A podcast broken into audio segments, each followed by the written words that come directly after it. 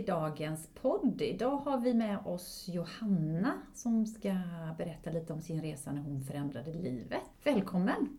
Tusen tack! Tack så mycket! Och vem är du?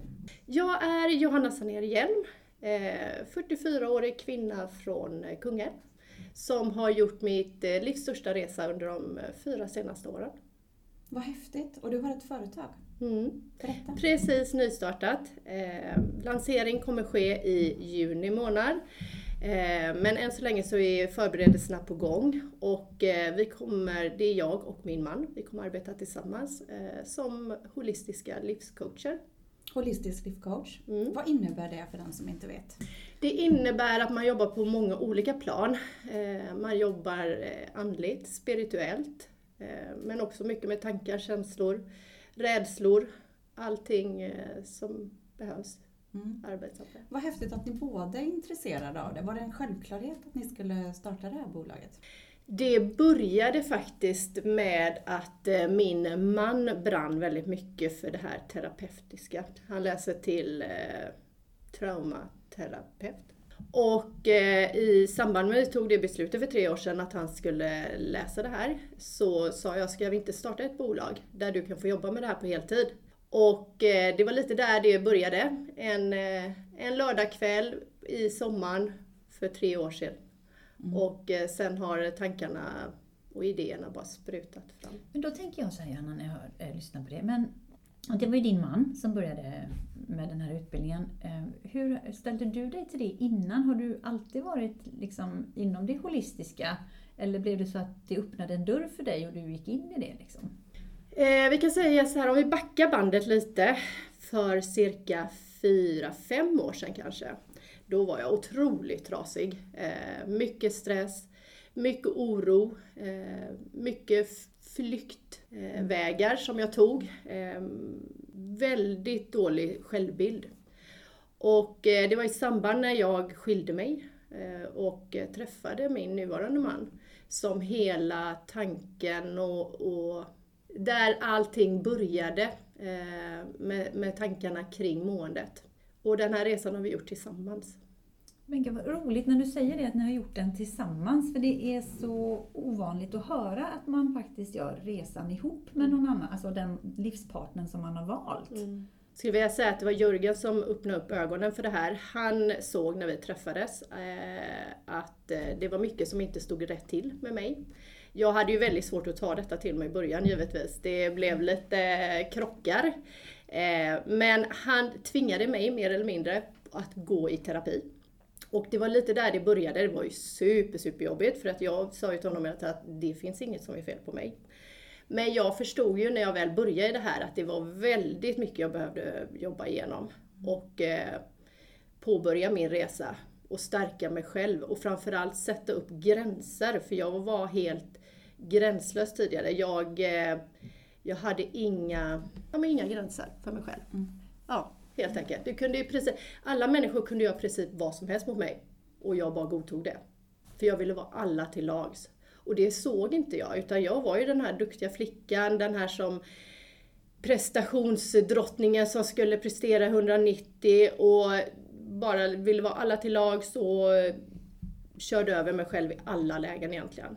Och det var det här han såg väldigt, väldigt tydligt i vår relation och sa du behöver hjälp, du måste lära dig att sätta upp gränser, du måste vara rädd om dig själv, du måste börja älska dig själv. Och det var lite, när jag började den resan, för han hade gjort den resan ett par år tidigare, eh, det var där det började. Sen låg han kanske ett par år före mig utvecklingsmässigt i tankesätt och, och i eh, hur man ska arbeta med sig själv och, och hur man ska stå upp för sig själv framförallt. Och jag tänker så här, omgivningen. Hur reagerade din omgivning när du började sätta gränser? Jag vet faktiskt inte om så många har eh, märkt av så stor skillnad. Eh, det är väl framförallt mina barn och min familj, det är ju de jag umgås med mest.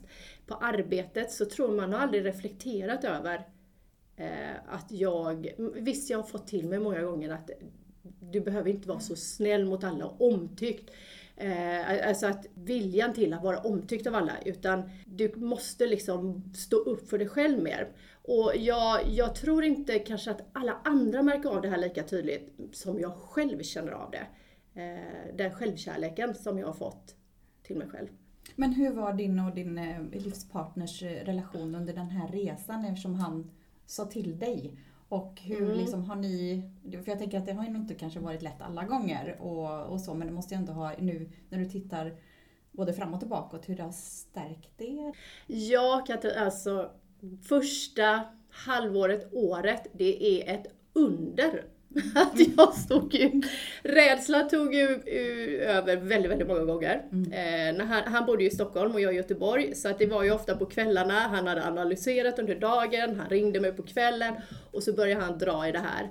Och eh, på den tiden var jag en sån person att när någonting blev jobbigt så stängde jag bara ner. Du fick inte ut ett enda ord utav mig. Så att han kunde ringa, vi var väldigt kärleksfulla till en start. Eh, så tog det en kvart kanske när han började prata om det här och då stängde jag bara av. Eh, otroligt konflikträdd, otroligt rädd för att ta diskussioner. Eh, och han märkte ju det här, men han var ju mer ivrig att rädda Johanna, det var liksom hans mission i livet. Så han gick på väldigt hårt. Och det här pratar vi om jätte, jätteofta. Att hade jag inte varit så kär och så förälskad så hade jag ju stängt dörren där för länge sedan.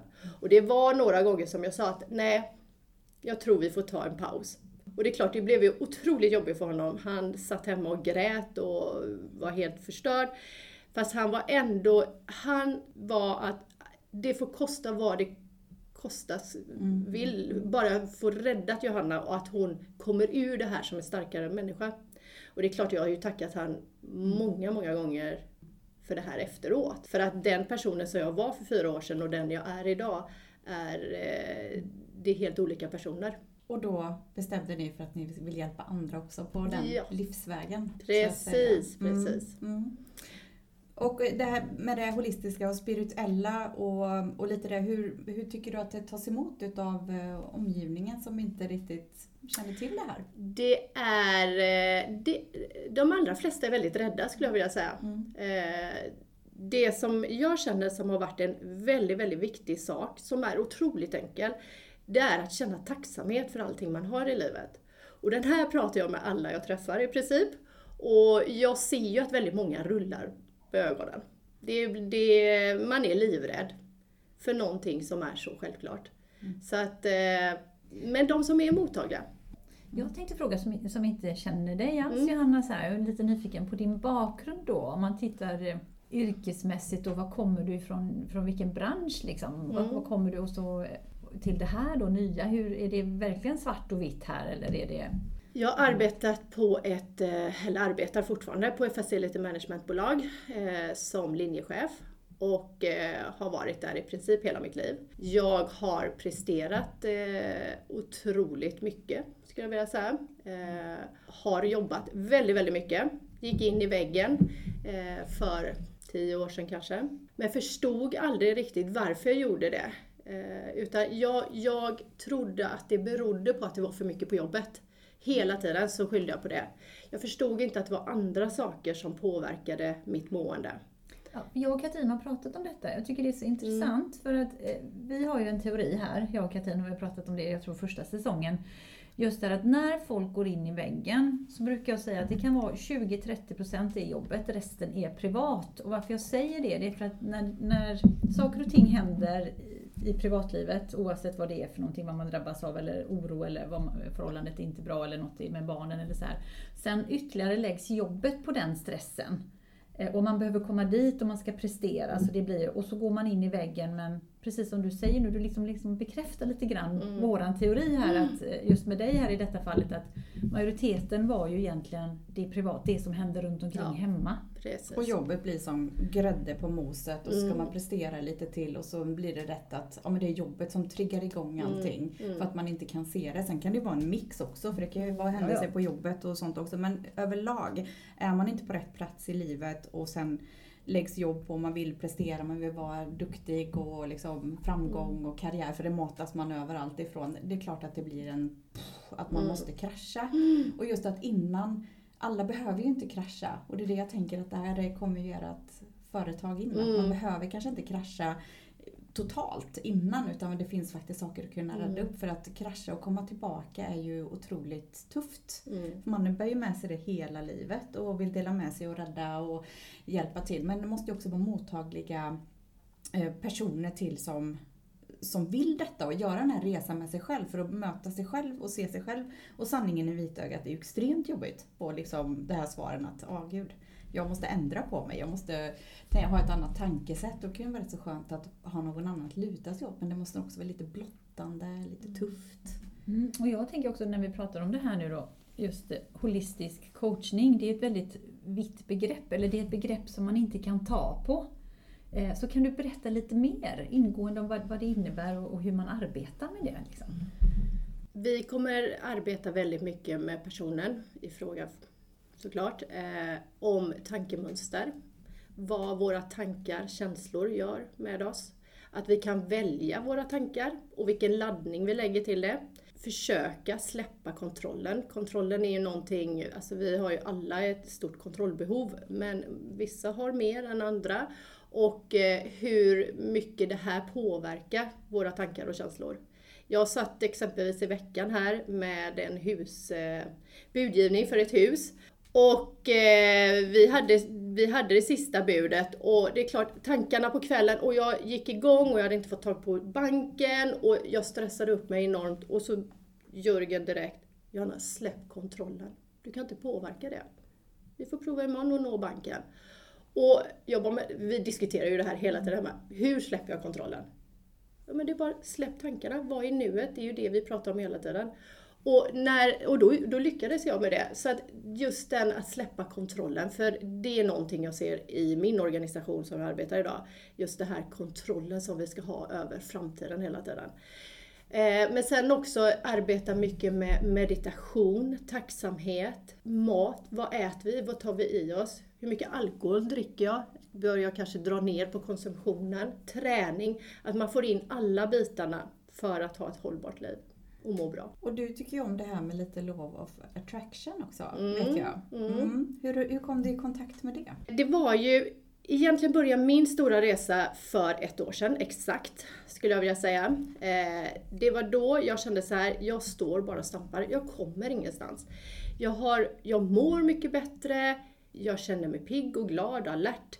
Men jag kommer inte vidare i livet, jag står fast. Där, det var där det började när jag sprang på en, eh, en utbildning, en eh, coachutbildning, en amerikansk utbildning som en person som heter Bob Proctor tagit fram. Det var när jag började den här utbildningen i förra sommaren som hela mitt eh, tankemönster förändrades skulle jag vilja säga. Som en aha-upplevelse? Ja, som Ja. en aha-upplevelse. Jag hade hört Law of Attraction innan, eh, men förstod mig inte på den. Men nu förstår jag mig på universums lagar. Och då blir jag ju nyfiken när du säger då förstår jag mig på. Mm. Vad är, vad är det du förstår dig på? Vad var det som hände? Vad var det? Att det finns en mening med allting. Att eh, våra tankar, känslor styr eh, precis exakt vart vi kommer. Så länge vi inte förändrar någonting så kommer vi aldrig få ett annat resultat än det vi har idag. Och jag kände då att jag behöver göra någonting annorlunda i arbetslivet. Jag riktade mina tankar på att det var där problemet låg, att jag måste arbeta med någonting annat. Men när jag började den här utbildningen och började prata om det här med tacksamheten, då kände jag en enorm tacksamhet för att jag har mitt arbete, för jag tycker det är väldigt, väldigt roligt. Men också för alla andra saker man har runt omkring sig. Men för att jag ska kunna göra någonting och komma någonstans, någon annanstans i livet, då måste jag förändra mina tankar, mina känslor som ger handling och resultat. Jag behöver gå utanför min comfort zone och inte stanna innanför den här gränsen hela tiden, för då kommer jag ingen annanstans. Det var en aha-upplevelse. Och det är ju kopplat till eh, universums lagar, att det finns, det finns en mening med allting. Det du fokuserar på, det växer. Och den var så himla, när jag fick den till mig att det du fokuserar på, det du riktar din uppmärksamhet på, det är det som växer i ditt liv. Är det att du riktar din, att du inte trivs på ditt jobb, du har ingen bra relation, du har en taskig ekonomi. Om det är det som går i dina tankar hela tiden, då är det den känslan du skapar. då är det det du får mer utav. Så att man behöver ju rikta sitt fokus mot det man verkligen, verkligen vill. Och det här är ju inte helt enkelt. Jag pendlar upp och ner hela tiden. Fram och tillbaka och hit och dit. Eh, för jag är i den här förändringsresan. Och det är, eh, det är eh, inte helt enkelt. Men det är otroligt spännande. För jag känner att jag tar små steg framåt hela tiden. Men det är ju det och jag vet ju inom den mentala träningen så det tangerar ju detta jättemycket. Mm. Och då är det ju så här att vi pratar ju mycket om att känslor är ju inte verkliga. Det du känner idag får man ju ställa sig frågan, är det verkligt idag? Eller är det en gammal känsla eller är det en oro för framtiden som ännu inte har kommit? För jag vet faktiskt inte vad som händer. Eh, så det är rätt fantastiskt eh, just eh, det du säger och det du pratar om. För att det är så viktigt att veta att jag skapar mina känslor själv. Och jag skapar dem med en tanke. Och vi vet ju också att, eh, och det är forskning på detta, att negativa tankar tar ju överhand alltså på två mikrosekunder medan positiva tankar tar lite mer att jobba med.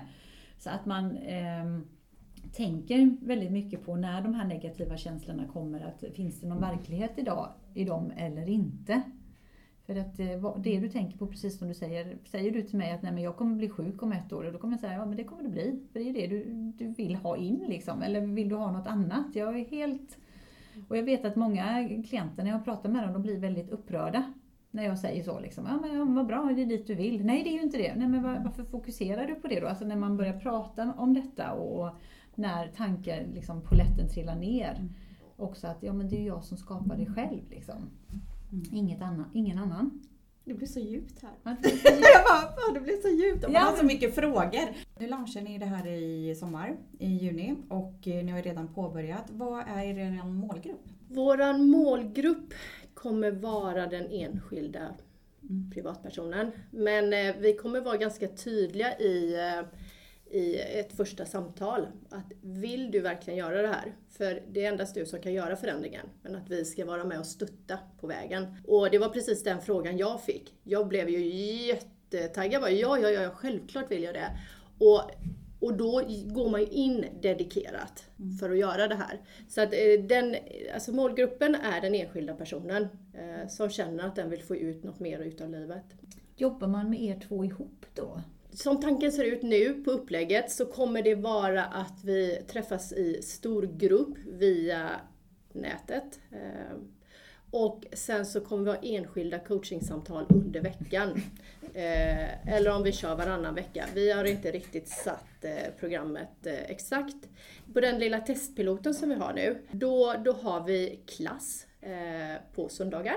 Och sen så har vi enskilda samtal under veckan och så kör vi det här under åtta veckor för att testa vårat program. Mm. För att se vad tycker de var bra och vad kan utvecklas mer.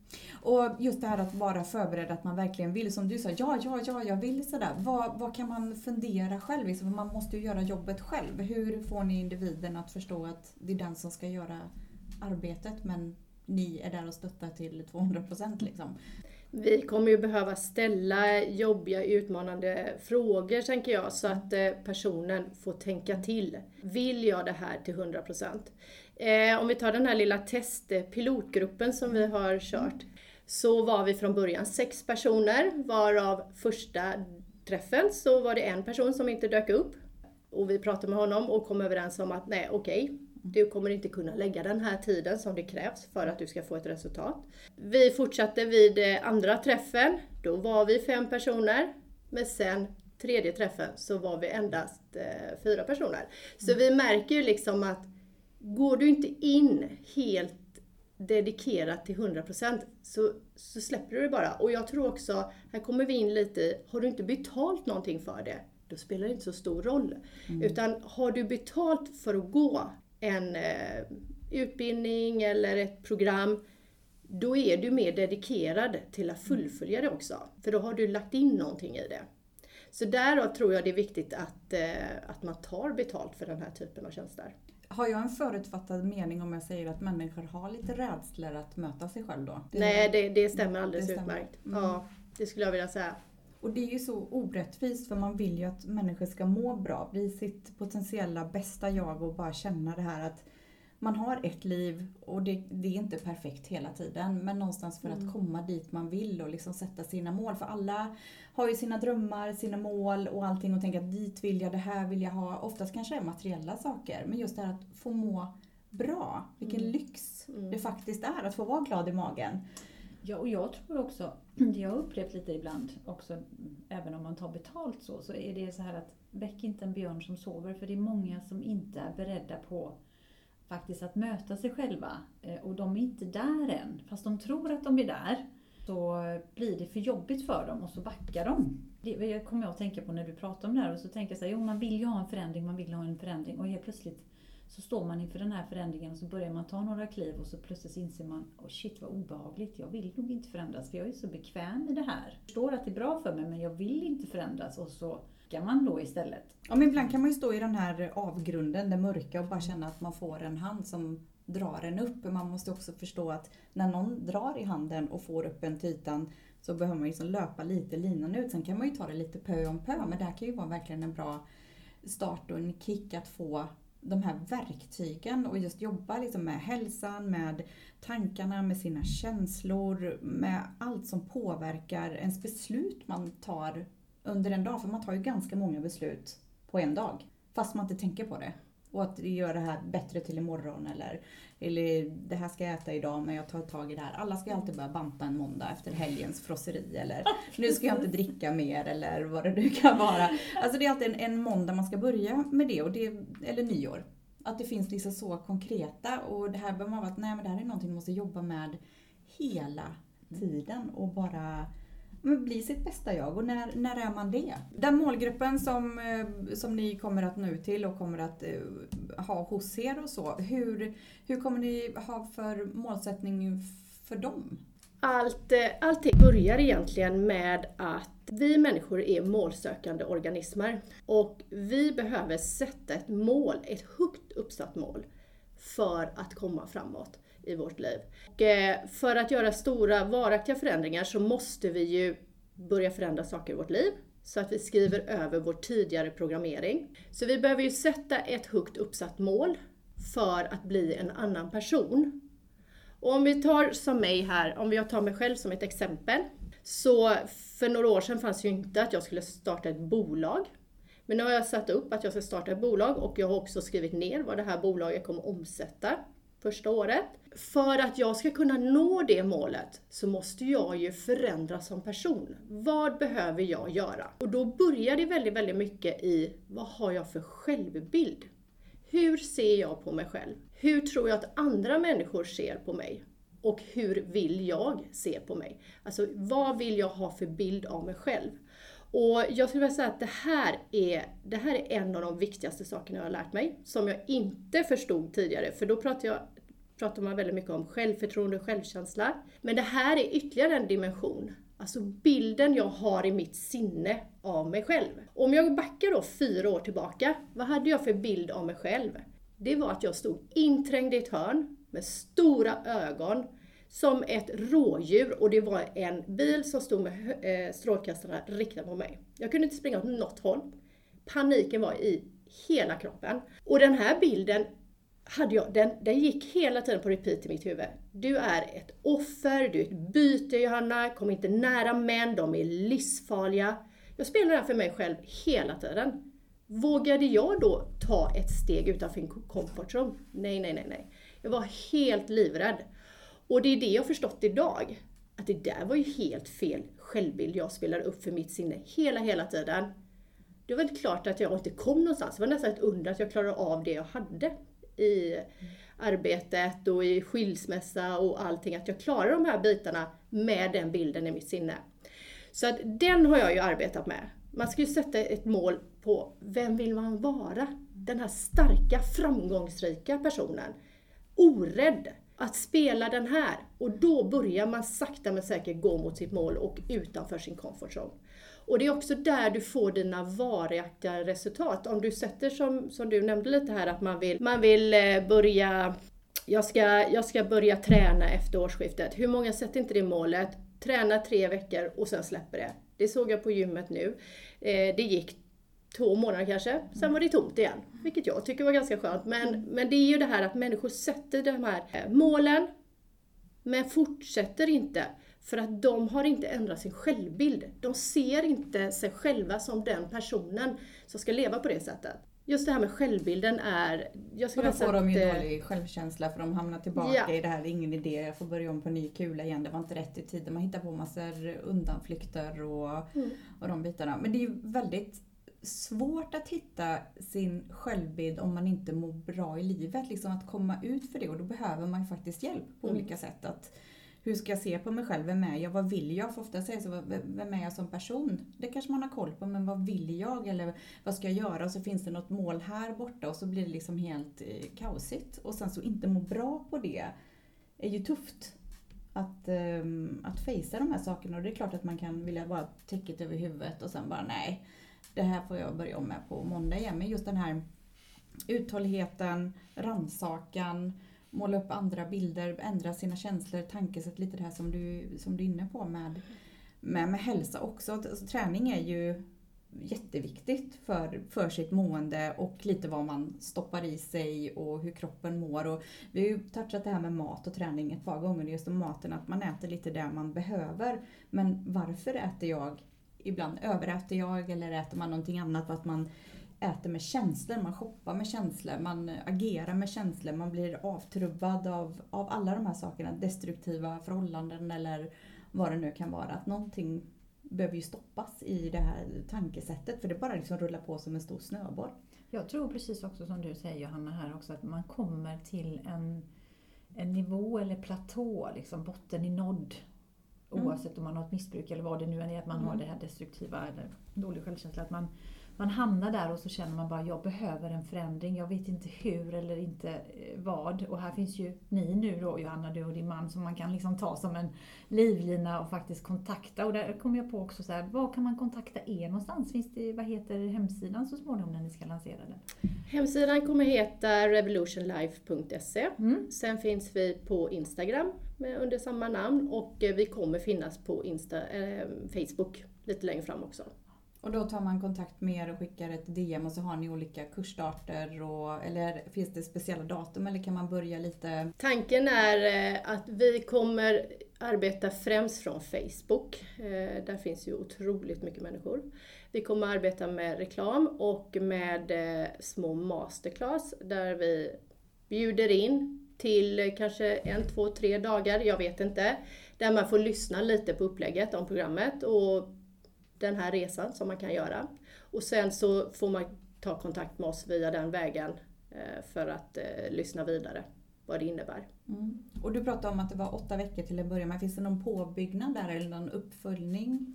Vi, I vår testpilot är det åtta veckor bara för att vi inte ska ja, för att det inte ska bli för långt helt enkelt. Men det som vi har pratat om det är att vi kommer antagligen ha 12 steg eh, där vi träffas varannan vecka. Så det blir under sex månader. Och under tiden, under de här två veckorna då, så har vi ett coachingsamtal också. Sen så arbetar man med ett eget material som man har hemma. Så det, den, eh, det största arbetet ligger ju hos en själv. Mm man får lite läxor, hemläxor eh, mm. varannan vecka då, som man ska jobba med och sen så pratar man ut om det och sen får man nästa del där. Stämmer. Mm. Och det här med att människor då känner att man, en del behöver ju hela tiden, jag vill ha det här och det här. Hur, hur kommer ni få dem att känna att de ska släppa er hand och liksom stå på egna ben? Kommer man efter 12 steg Nej, efter när vi närmar oss eh, mot sista här så tänker vi oss att vi ska ha någonting som heter Mastermind Group. Mm. Eh, och Mastermind Group är att eh, man antingen den gruppen man har gått i eller om det är andra personer fortsätter i ett forum med ganska tydligt upplägg där man delar eh, för varandra och man speglar sig i varandra. Och genom de här speglingarna så, så kan man se att man kan välja andra vägar. Andra synergier ja. i de delarna. Mm. Mm. Vad häftigt. Vad skulle du vilja avsluta med här? Då skulle jag vilja avsluta med några ord som jag eh, läste igår, som jag tycker var väldigt fina. Det är omöjligt, sa tvivlet. Det är farligt, sa rädslan. Det är onödigt, sa förnuftet. Prova ändå, viskade hjärtat. Tack för att du har lyssnat på oss här idag och vi hoppas att du vill lyssna på nästa avsnitt. Vi tar jättegärna emot feedback, eh, frågor, funderingar, tankar från dig som har lyssnat och då får du jättegärna mejla till katrin och och följ oss jättegärna på Instagram under, Instagram under samma namn Katrin och Simona.